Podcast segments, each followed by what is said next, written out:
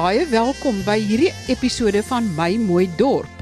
Dit is die program waar ons graag vir mense help om van hulle dorpe weer mooi en modeldorpe te maak met funksionerende dienste en ook floreerende gemeenskappe. My gas vandag is professor Dion Pretorius en ek sit die gesprek voort wat ek verlede week met hom begin het. Hy is geaffilieer by die departement van ontwikkelingsstudies van die Nelson Mandela Universiteit en ook direkteur by Development Partners. Ons het verlede week gesels en ek gaan letterlik net die hoogtepunte uitlig oor hoe mensgesindhede kan verander. In die Sondagsriviervallei het hy dit reg gekry om met 'n spesiale inisiatief mense se siening van sake te verander. Hy dit reg gekry om leiers te ontwikkel uit mense wat eens op 'n tyd opstokers was. Deurdat hy gehelp het dat hulle op 'n ander manier na probleme kyk en op 'n ander manier na probleemoplossing kyk. En hy wys ook daarop dat daar nie net een van twee maniere is om 'n probleem op te los of om 'n situasie te verander nie. Die eerste manier is revolusionêr, dis konfronterend, opstokerig en dit bring vinnige verandering. Maar wat dan as alles afgebrand en afgebreek is? Waar kom die werk en die kos vandaan? Die ander opsie is evolusionêr, Maar eintlik beteken dit maar jy laat God se water oor God se akker loop. Jy staan met jou arms slap langs jou sye en jy hoop dan net iets gebeur. Maar die derde manier wat moontlik die heel beste manier vir ons dorpe in Suid-Afrika gaan wees, is dat jy pragmaties dink aan probleemoplossing, dat jy dringend werk, maar geduldig is en dat almal saamwerk en dat alle inwoners van al die verskillende woongebiede en sektore van die dorp betrokke moet raak. Dat hulle dan 'n gesamentlike visie kan kry en kan agterkom dat almal eintlik interafhanklik van mekaar is. En in die volgende stadium van ontwikkeling kan mense nou kyk na subsisteme. As mens kyk na die collaborative wat in die Sondagsrivier Vallei ontwikkel is, Dan is daar aksiegroepe, byvoorbeeld vir onderwys, vir kuns en kultuur, vir gesondheid, vir sport ensovoorts. Daai aksiegroepe moet nou meer verteenwoordigend word van alle gemeenskappe in die dorp, op die dorp, buite die dorp.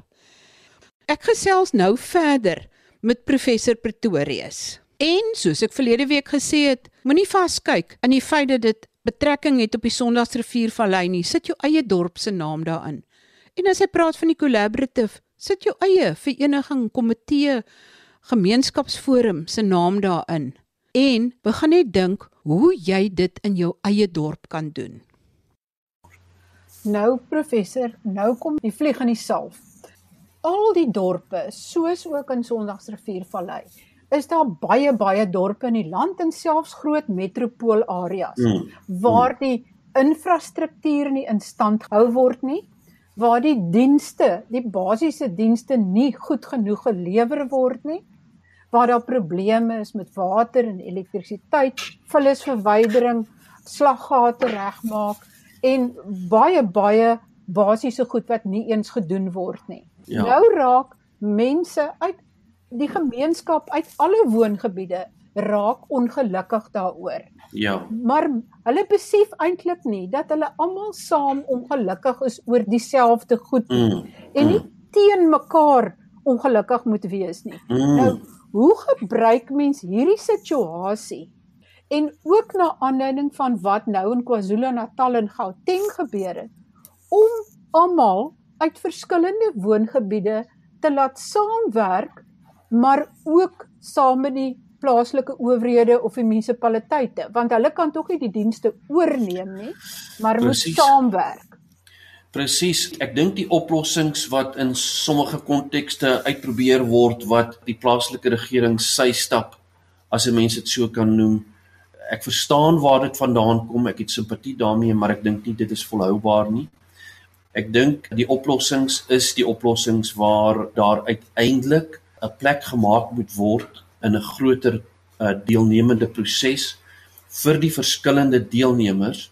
Maar wat ons moet van weg beweeg is die mite, die idee wat gepaard gaan met die konsep van die sogenaamde ontwikkelingsstaat. Dat die staat alleen in staat is om hierdie probleme die plaaslike regering as die alleen agent van verandering en ontwikkeling en wat daarmee gepaard gaan dat dit 'n realistiese moontlikheid is. Dit is nie 'n realistiese moontlikheid nie, eenvoudig vir die rede omdat die staat in Suid-Afrika nie voldoende kapasiteit het nie. Ons moet dus of ons daarvan hou of nie, moet ons beweeg na 'n alternatiewe model toe.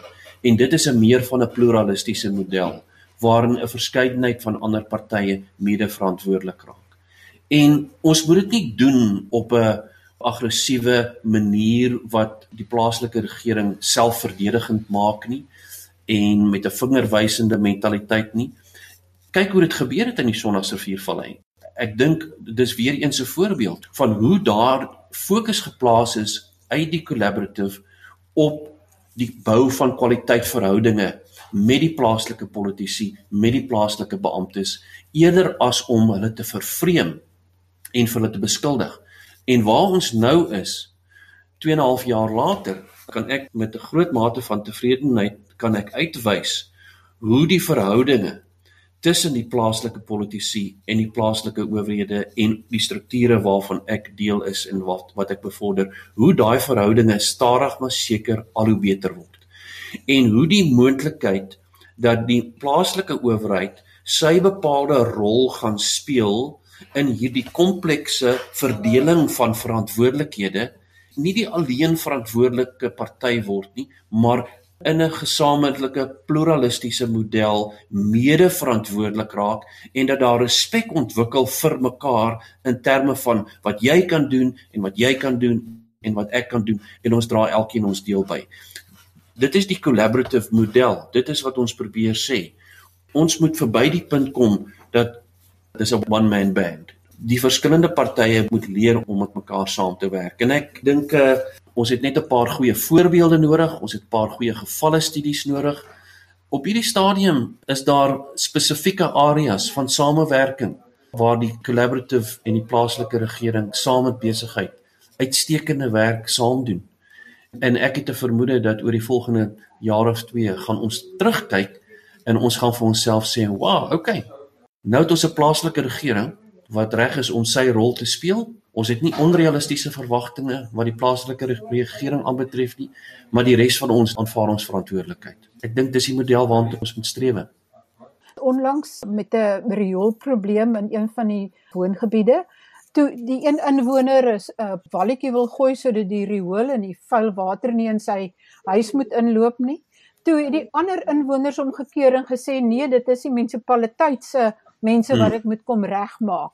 So mm. aan daai kant is daar nog baie wat gedoen moet word mm. om sodat mense nie die heeltyd dink die munisipaliteit moet alles doen nie, mm. maar dat jy mm. self dit kan doen en ek vind dit ook, ek wil sê in die meer gegoede woonbuurte wag hulle ook dat die munisipaliteit die gras voor hulle huise mm. moet kom sny en die sypaadjies moet skoonmaak. Ja, dit is hulle werk, maar daar's niks wat jou keer om so lank te begin om iets te doen nie. En ek dink die belangrike punt is dat hierdie tipe van gesindheid waarvan ons nou praat en hierdie benadering tot probleemoplossing gaan nie maar sommer net vandag of môre in plek kom nie. Hy gaan gebeur soos wat ons stap vir stap van situasie na situasie, gevalle studie na gevalle studie vir mense wys en demonstreer. Dit is hoe dit gebeur. En een van die dinge wat baie belangrik is, is om daai boodskap oor te kry is dat ons moet begin om beter met mekaar te kommunikeer. Ons moet hierdie voorbeelde aan mekaar uitwys en ons moet dit op 'n positiewe, konstruktiewe manier beskryf. Ons moenie moenie daaroor praat as o, hier is nog 'n voorbeeld van so en so wat nie doen wat hulle veronderstel is om te doen nie. Kom ons vind 'n positiewe manier om daaroor te praat. En en wanneer iemand iets doen wat konstruktief is, kom ons gee erkenning vir hulle. En ons gee vir hulle die geleentheid of hulle om te demonstreer wat hulle kan doen en wat hulle kan bydra. En in daai proses skep ons 'n atmosfeer in die Sondagsriviervallei waarin mense nie vir mekaar sit en wag om dinge te doen of sit en vingerwys na mekaar en begin om te doen wat hulle kan doen en ook dan te sê maar OK, ons het ooreengekom. Dit is wat jy moet doen. Ek sal doen wat ek moet doen, maar doen jy wat jy moet doen. En dan gaan ons mekaar op so 'n manier gaan ons mekaar dophou en monitor en ons gaan vertroue bou in die bydraes wat die verskillende partye kan lewer. Ek dink dit is heeltemal moontlik. Professor, as daar nou iemand luister na hierdie gesprek en hy is nou van 'n ander dorp, sê maar Mariesburg of Posmasburg of Standerton of enige ander plek waar dienste ook nie eintlik baie goed gelewer word nie, waar daar ook maar aan mekaar probleme is. En daai persoon wil amper soos 'n agent van verandering optree. Ek Mhm. noem hulle die kampioene van die dorp. Ja. Hoe kan hy te werk gaan? Kan hy jou kontak? Kan waar begin hy? Wat kan hy doen om net in die eerste plek die bal aan die rol te sit? Ek sal met die grootste plesier met enige iemand gesprek voer, idees deel, notas uitruil. Dit is ontsettend belangrik dat dit wat ons doen nie net op die plaaslike vlak bly nie. Mense in Suid-Afrika moet kennis neem van wat ons doen en ons moet soek na die geleenthede om dit wat ons doen te neem na ander plekke toe in Suid-Afrika. As ons dit nie doen nie, dan slaag ons nie in terme van hoe om werklik die die groter konteks beter te maak vir almal nie. Maar wat ek wil spesifiek sê is dat wat ons geleer het oor die afgelope 2 en 'n half jaar in die werk wat ek in ander kontekste ook gedoen het, is dat daar 'n sekere stel generiese aksies is wat uit ervaring 'n mens geleer het wat geneem kan word as jy in jou nou in 'n situasie bevind waar daardie potensiële konflik situasie is waar daai spanning is waar daai wrywing bestaan daar is 'n sekere stel opeenvolgende aksies wat 'n mens kan neem om ten minste aanvanklik hierdie proses aan die gang te kry en jouself uit hierdie impas, hierdie dilemma van wat nou? Ons het nou 'n probleem, ons het nou 'n krisis. Is een van die dinge wat ek dink ons met ander mense kan deel, is dat jy hoef nie vasgevang te wees in so impas nie. Daar is sekere onmiddellike aksies wat jy kan neem om daai proses aan die gang te kry. En ons sal dit baie graag met mense wil deel. Jy kan nie dalk net die eerste aksie noem nie. So die eerste aksie is as jy 'n situasie het waar daar akute konflik is, wat ons in baie gevalle het. Die eerste ding noem ons 'n cessation of hostilities. Dis letterlik dat 'n mens moet gaan kyk of daai konfliksituasie van so 'n aard is dat die partye nie bereid is om met mekaar te praat nie. Dat hulle net gereed is om met mekaar in, in 'n geveg betrokke te raak. En wat ons in die Sondagse Viervallei gedoen het en wat ons geleer het is dat indien dit nodig sou wees, kry 'n professionele konflik mediator in die proses in. Bring die verskillende partye bymekaar en kry hulle so ver om net te kalmeer, om net in te stem tot 'n proses waar 'n mens vir jou tyd wen. Sê nou maar jy sê vir hulle ons het 'n periode van 3 4 maande nodig. Kalmeer net. En kom ons begin met 'n proses waar die partye geleentheid kry om in gefasiliteerde omgewing met mekaar te begin praat en hulle insigte met mekaar te deel, hulle probleme met mekaar te deel. Dis die eerste stap. 'n Ander belangrike stap wat daarmee gepaard gaan heel in die begin is dat mense moet jou fokusarea afbaken. Ek dink dis 'n baie belangrike ding. Jy moenie te veel aanpak nie. Met ander woorde, 'n geografiese en demografiese omgewing wat 'n werkbare omgewing is. Jy jy kan nie byvoorbeeld sommer net 'n hele metro gaan aanpak en dink nou kan jy begin met 'n proses van hierdie stappe neem nie. Dit is logisties en prakties baie moeilik om dit op daai skaal aan te pak. Dit is hoekom dinge in die Sondagsriviervallei vir ons gewerk het, dink ek, is omdat die skaal van so 'n aard is dat dit moontlik is om die verskillende leiers te identifiseer en mense bymekaar te bring. So baken 'n terrein af en onthou dat die eerste fase van wat jy doen gaan eintlik net daaroor om vir mense te demonstreer dat dit is moontlik om dit te doen. So jy het eintlik 'n gevalle studie nodig waarin jy sê hierdie afgebakende area is waarin ons nou gaan situasies skryf wat ons in die collaborative ons noem dit low hanging fruit. So dit is situasies waar jy kan sê, "Oké, okay, hier is 'n vraagstuk waaroor ons saamstem.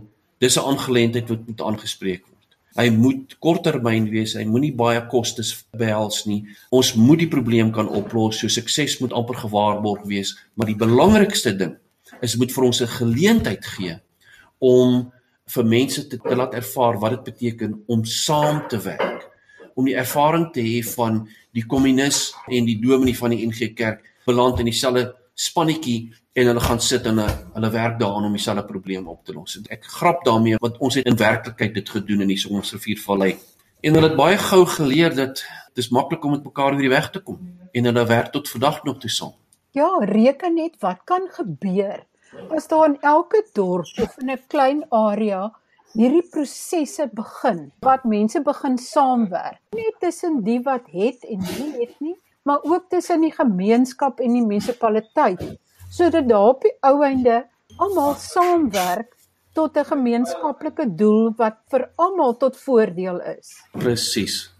Dis moontlik, Marie. Dit is moontlik. Mense sal dink dit is onmoontlik in hierdie warboel van in Suid-Afrika met al sy spanning op die oomblik, maar as ons kalm bly en ons benader dit van hierdie gemeenskap vlak perspektief af en ons gee onsself tyd en die betrokke partye is geduldig genoeg, dan is dit moontlik. En hierdie gebeure van die afgelope tyd behalwe dat die mense geplunder het en die oorgrootste meerderheid wil opbou.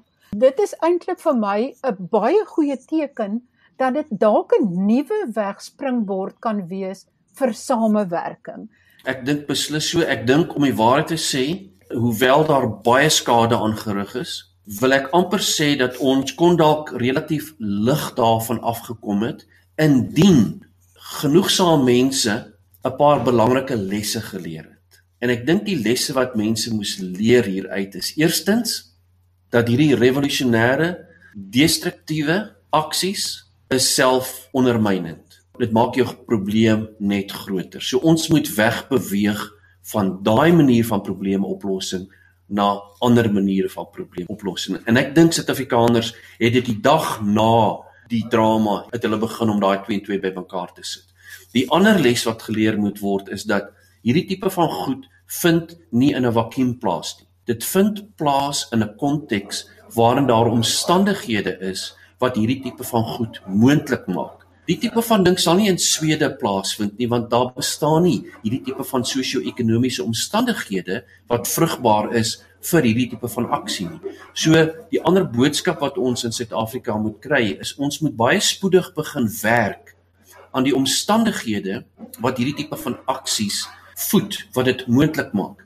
Wanneer ek dit sê, is daar iets anders wat ek wil byvoeg en dit is dat as mense voortdurende ervarings het of herhaalde ervarings het van teleurstelling dat hulle verwagtinge nie aan voldoen word nie, dan op 'n sielkundige vlak groei die omvang van die frustrasie. Die eerste keer ervaar jy 'n teleurstelling jy bly gefrustreerd. Dit gebeur 'n volgende keer jou frustrasie word 'n bietjie meer. Is weer eens word jou verwagtinge nie aanvoldoen nie. Dit gebeur 'n volgende keer daar word beloftes gemaak, 'n verwagting word geskep en dit lei nie tot probleemoplossing nie en jy's weer gefrustreerd. Ek wil eintlik waarsku dat die omvang wat hierdie drama in Suid-Afrika aangeneem het, moet vir ons sê as ons gaan kom by 'n volgende ronde van hierdie tipe van drama, dan dink ek gaan dit baie ernstiger wees. Dit kan 'n nasionale omvang aanneem. Dit gaan nie geïsoleerd wees tot die bepaalde areas waar dit in plaas vind dit nie.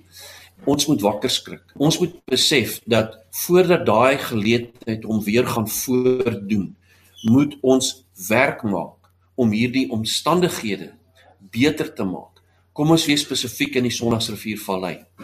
Hier is 'n platform geskep oor die afgelope 2 en 'n half jaar en daai platform moet nou gebruik word. Daai platform gee vir ons die geleentheid om 'n volgende stap te vat. Ek het vroeër gepraat van die subsisteme, die onderwys en die ekonomie en die gesondheidstelsel. Daai stelsels moet nou gesamentlik ondersoek word en gesamentlik beëien word en die probleme moet opgelos word. En as ons nie dit gaan doen nie, dan laat ons 'n baie groot geleentheid deur ons vingers glip. Ek wil eintlik vir die mense van die Sondagsriviervallei sê, asseblief, maak jouself beskikbaar wanneer daai geleentheid om gaan voordoen vir jou om deel te neem aan 'n bepaalde gemeenskaplike aksie waarin jy kan jou deel bydra of dit nou in terme van veiligheid en sekuriteit is of kuns en kultuur en of dit nou gesondheid is en of dit onderwys is, die ekonomie of die politiek is. Waar jy jou bydra vir die algemene gemeenskap kan lewer. Moenie wag vir die geleentheid om na jou toe te kom, maar veral moenie wag dat ons weer by 'n krisis uitkom voordat jy besluit dat nou moet ek gaan deelneem nie. Kom ons begin nou, ons gebruik daai platform en ons begin bou daarop. Dan gaan ons onsself verbaas. Ons gaan verbaas wees hoe maklik dit gaan gebeur dat as jy 'n sukses het, dan word die volgende sukses makliker en so word 2 en 2 nie net 4 nie, maar dit word baie gou gou 5 en 6. Baie dankie aan professor Dion Pretorius. Hy's geaffilieer by die Departement Ontwikkelingsstudies by die Nelson Mandela Universiteit in Port Elizabeth of Quebec en hy's ook besturende direkteur van Development Partners en as iemand sy raad soek, kan jy hom kontak by dion@depart dpart.co.za. En ons beplan om in die toekoms 'n webinar te hou waar hy dan direk met mense wat belangstel kan gesels. So laat hoor van julle, stuur vir hom solank 'n e-pos as jy belangstel om deel te word van hierdie webinar of Zoom gesprek wat hy gratis inligting en hulp sal verleen om idees te gee hoe jy in jou dorp kan begin met hierdie proses.